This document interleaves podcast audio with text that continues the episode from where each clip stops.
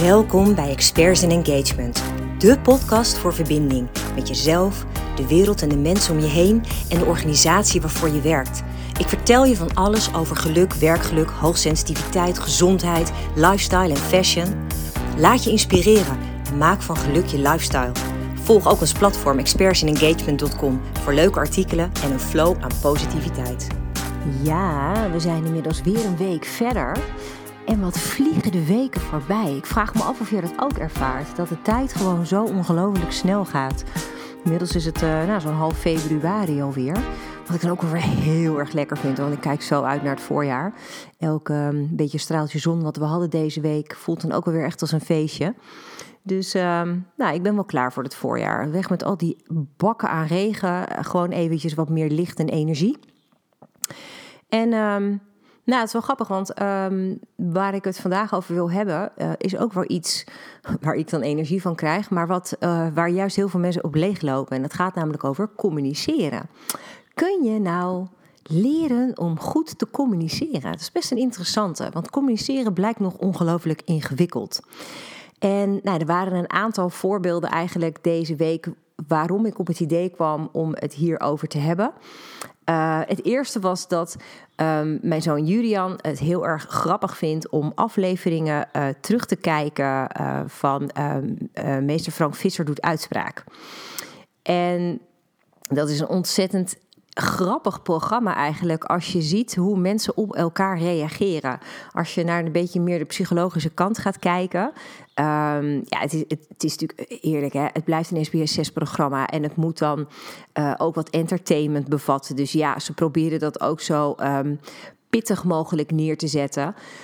Maar er zit wel een rode draad in al die afleveringen. Uh, en dat zit hem, wat mij betreft, heel erg in hoe mensen met elkaar omgaan, hoe mensen met elkaar communiceren. En bij uh, een van mijn opdrachten, waar ik deze week op kantoor zat, um, had ik ook een situatie waarvan ik dacht: hey, dit is heel interessant.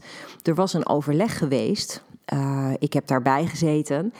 En um, mijn uh, collega, die ik eigenlijk aan het inwerken ben daar in het vakgebied van arbeidsmarktcommunicatie en employer branding, um, die nou ja, is daar uh, 1 uh, februari binnengekomen. En het ging over een overleg op zijn tweede werkdag, waarbij een vraag werd, nou ja, eigenlijk een opdracht werd neergelegd bij hem. Waar hij dus uh, deze week opnieuw mee werd geconfronteerd. Heb je dat en dat gedaan? En dat was een hele interessante, want zowel hij als ik zelf hadden niet uit die meeting gehaald dat dat een opdracht was die hij moest doen. En dat, dat vind ik dus een hele interessante. Toen dacht ik ook, hè, hoe kan dat nou? Um, want blijkbaar is dat dus op de een of andere manier wel door de, de zender van die boodschap overgebracht. Alleen is het door zowel mijn collega als mij niet zo opgevat. dus dat vond ik, dat vond ik een interessante. En toen vond ik het ook nog interessant dat ik een ongelooflijk leuke berichten kreeg deze week van uh, Carmen. Carmen, dankjewel als je luistert. Um, ja, die eigenlijk aangaf dat ze ook de, de podcastafleveringen over taalgebruik en zo uh, erg interessant vond. En ik dacht, ja, maar het is inderdaad ook best wel een onderwerp wat ons natuurlijk heel erg bezighoudt in elk dagelijks leven. Je komt het de hele dag door tegen. We communiceren ons helemaal suf. Um, dus ik dacht, nou ja, weet je, dat is eigenlijk wel een extra trigger om gewoon te denken, nou, ik ga hier eens uh, uh, wat informatie over delen. Um, want hoe vaak hebben wij niet te maken dus met communicatie die niet optimaal is? Zoals bijvoorbeeld een opdracht die je in je werk krijgt. Zoals bijvoorbeeld communicatie tussen partijen. En niet zozeer in een rechtszaak. Maar dat kan ook gewoon tussen buren gewoon sowieso zijn. Of in een vriendschap of in een relatie. Uh, binnen, binnen familiebanden. Weet je, er kan van alles gebeuren. Um, waardoor bijvoorbeeld ook wrijving kan ontstaan. En dat gebeurt dus vaak omdat de communicatie eigenlijk niet is waar die zou moeten zijn. En hoe komt dat dan, hè, dat mensen zo vaak langs elkaar heen praten? Hè, dat we boodschappen niet goed begrijpen, um, dat er dus oneenigheid ontstaat doordat er dingen gezegd zijn, die dus vaak niet eens slecht bedoeld waren. Hè? Want de intentie eh, kan nog zo goed zijn, maar een boodschap kan toch totaal verkeerd opgevat worden. En het interessante daarbij is natuurlijk, communiceren is tweerichtingsverkeer. Het gaat echt niet alleen maar om een boodschap overbrengen. Dat is al ingewikkeld genoeg, denk ik. Maar het gaat er ook over dat je een boodschap goed kan ontvangen. wat misschien eigenlijk nog wel ingewikkelder is. Nou, hoe breng je de boodschap duidelijk over? Laten we gewoon eens beginnen bij dat zenden.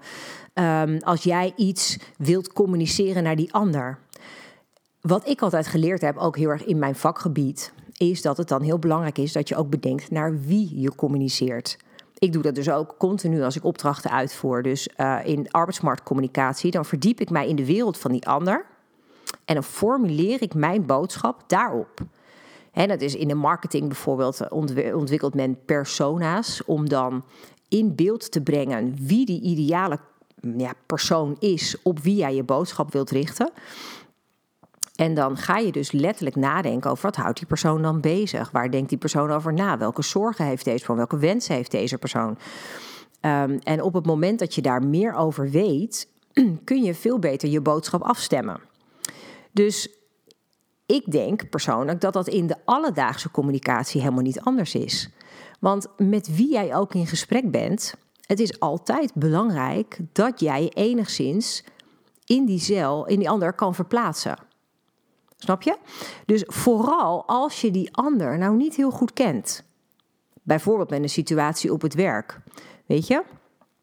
Op het moment dat jij je niet verplaatst in die ander. Van hé, hey, die persoon die heeft net de tweede dag hier. En ik kom daar aan met een nou, best wel grote, belangrijke opdracht. Um, en ik heb eigenlijk me helemaal niet erin verdiept of hij weet wat, er dan, wat dan de bedoeling is. Of uh, dat ik op deze manier mijn opdracht formuleer. En dat is natuurlijk best wel heel erg ingewikkeld. Um, maar dat geldt bijvoorbeeld ook als je bijvoorbeeld um, een oneenigheid hebt met de buren over een boom die in de weg staat. Of uh, omdat je last hebt van uh, rook uit een houtkachel. Dat was een aflevering die ik dan deze week voorbij zag komen. Um, dan is het ook wel goed dat als je daarover wilt praten met je buren, dat je bijvoorbeeld heel goed begrijpt dat zij heel erg kunnen genieten van die boom of die kachel. En dus in principe niks zullen snappen van de klachten die jij hebt. Dat betekent dus dat je in, in eerste instantie al een behoorlijke afstand uit elkaar ligt. En daar heb je dus wat te doen uh, om te zorgen dat je dat uh, dichter naar elkaar haalt. Als je überhaupt wilt zorgen dat je echt in gesprek komt. Nou, wat je dan kan doen, is bijvoorbeeld eerst heel goed bedenken wat de kern van je boodschap is. Wat wil jij nou bereiken met je boodschap? En welke bewoordingen passen daar dan het beste bij? Kijk, op het moment dat jij bijvoorbeeld gaat aanbellen bij je buren en meteen van leer trekt over wat je allemaal vervelend vindt en waar je klachten over hebt, dan is die, die buurman, buurvrouw, weet ik veel, bij wie je aan de deur staat, is niet direct geneigd om echt naar je te luisteren. Dus is er een manier waarop je het positief kan brengen? Denk daar eens over na, want je zet daarmee echt de toon, letterlijk. Dus um, ik denk dat het heel erg belangrijk is om daar dus wel die verbinding te maken met die ander. En dus ook echt oprecht te luisteren naar de andere kant van het verhaal. Als die verbinding er is, door bijvoorbeeld ook oogcontact, hè, dat je ook echt duidelijk laat zien dat je luistert en dat je die persoon ziet, dan is de kans ook het grootst dat je daadwerkelijk iets bereikt met jouw communicatie. En kijk, dan kan je proberen om die verbinding te leggen. Hè? Dan heb je een beetje verplaatst in die ander. Je bent een soort van gesprek aangegaan en je hebt je boodschap naar jouw gevoel overgebracht. Dan is het ook nog bijvoorbeeld best wel handig als je dan durft om bij die ontvanger te checken of je bericht ook echt is binnengekomen zoals jij het bedoelde. dus dan kan je bijvoorbeeld, je hebt een heel gesprek gehad met elkaar en dan zeg je bijvoorbeeld aan het einde van joh, wat neem jij nou mee uit dit gesprek? want ik wilde, ik wilde heel graag met jou iets bespreken. Um, want ik merkte dat ik daar last van had. En ik hoop eigenlijk dat ik het goed heb kunnen overbrengen. Is dat zo? wat, wat heb jij nu van mij overgenomen wat ik, wat ik net gezegd heb? Um, kun je er iets mee? Um, ik denk namelijk dat dat wel heel erg belangrijk is voordat je dan bij wijze van echt het gesprek afsluit zodat je zeker weet um, of jij enigszins hebt kunnen bereiken wat je wilde bereiken, of dat je misschien nog ergens iets mag bijschaven.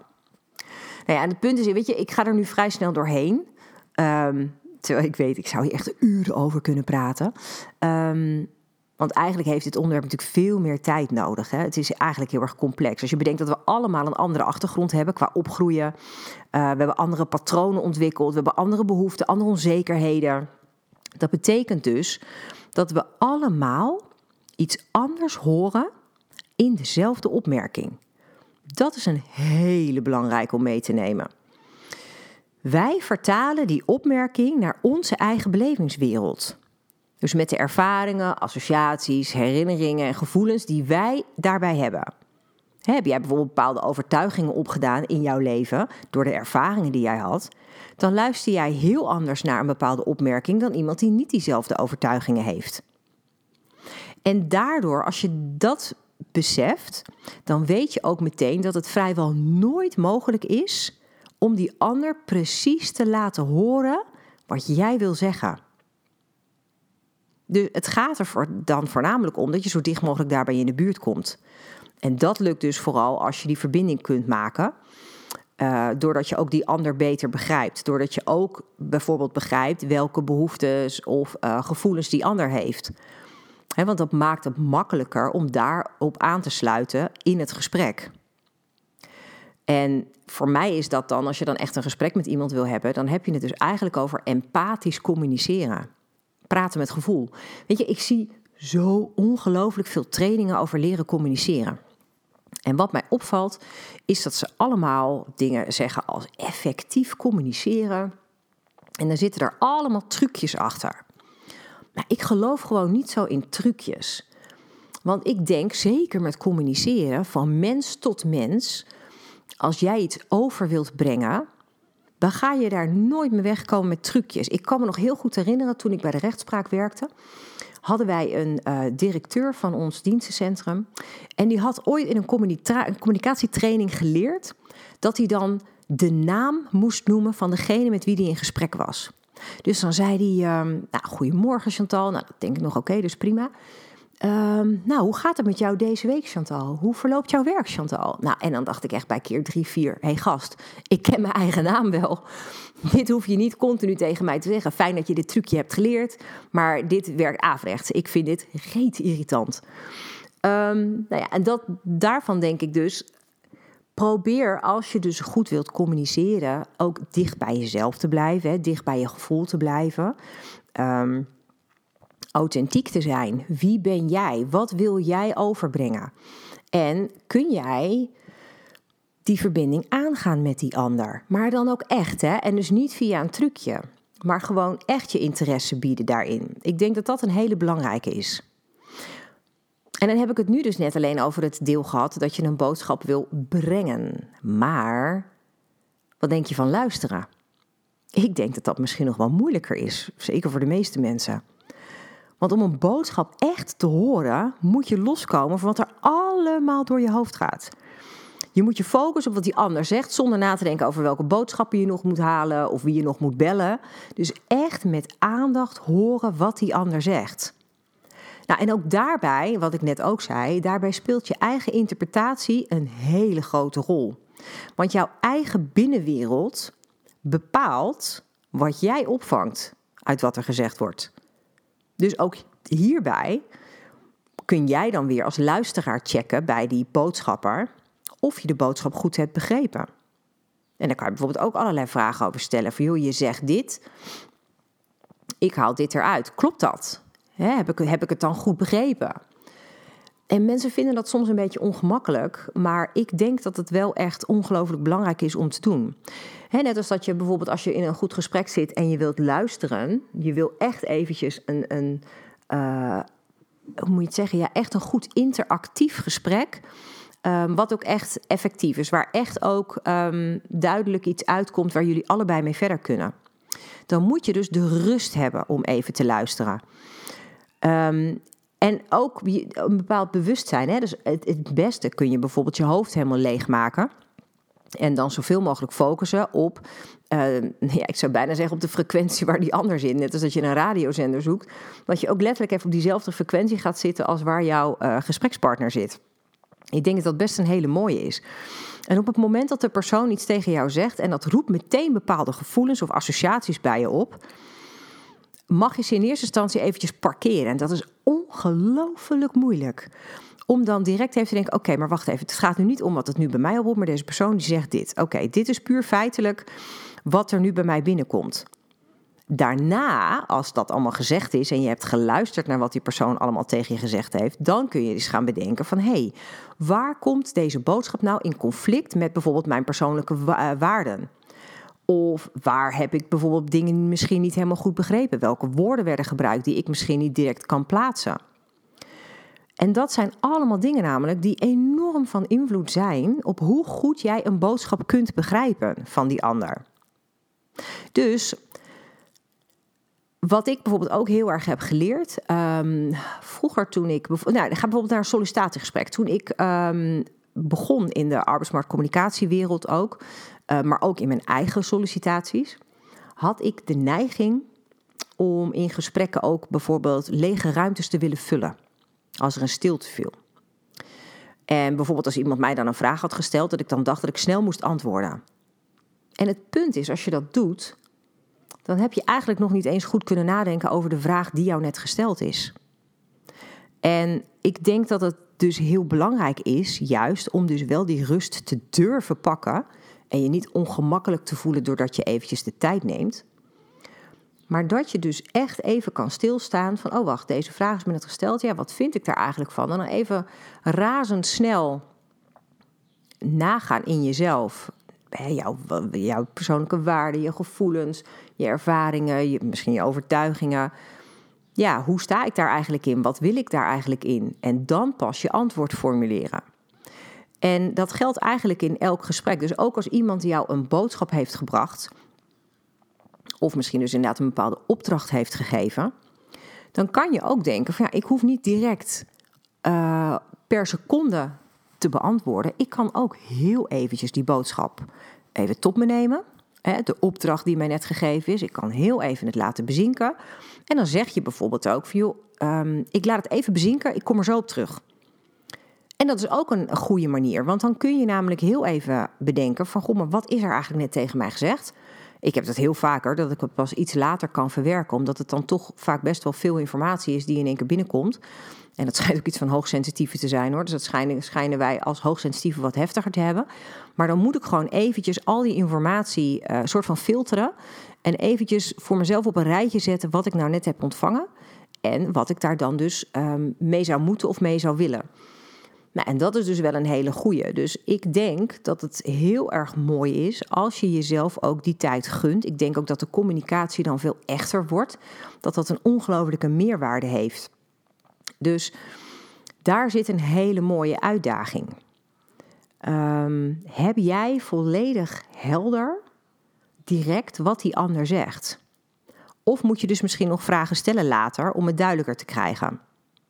Voordat je dus je eigen interpretatie aangeeft. En het, wat ik grappig vind bij veel van die trainingen zegt men: ja, je moet nieuwsgierig zijn naar die ander. Je moet veel vragen stellen. En dan denk ik: ja, dat is leuk. Maar je moet ook weer niet te nieuwsgierig willen zijn, want dan ga je misschien weer heel erg van het onderwerp afwijken dan waar die persoon jou concreet iets over wilde zeggen of vragen. Dus dat is ook een beetje een soort overweging van oké, maar hoe houden we het klein bij waar we nu waren? En heb ik het dan goed beluisterd? Dus ook hier weer, ook met luisteren, verplaats je in die ander. Deze, deze persoon die wil iets van mij, op wat voor manier dan ook. En um, heb ik dan daar mijn bijdrage goed aan kunnen leveren? Of moet ik misschien nog ergens een stapje zetten? En ik denk oprecht dat als we allemaal ook serieus eens wat vaker soms zouden nadenken voordat we spreken, dat dat dan een ongelooflijk verschil kan maken uh, gewoon in, in de algehele sfeer in de maatschappij. Want dat is natuurlijk wat je ook continu nu om je heen ziet. Hè? De, de polarisatie, de mensen die recht tegenover elkaar staan, die ook helemaal niet meer naar elkaar kunnen luisteren. Daar zitten allemaal blinde vlekken.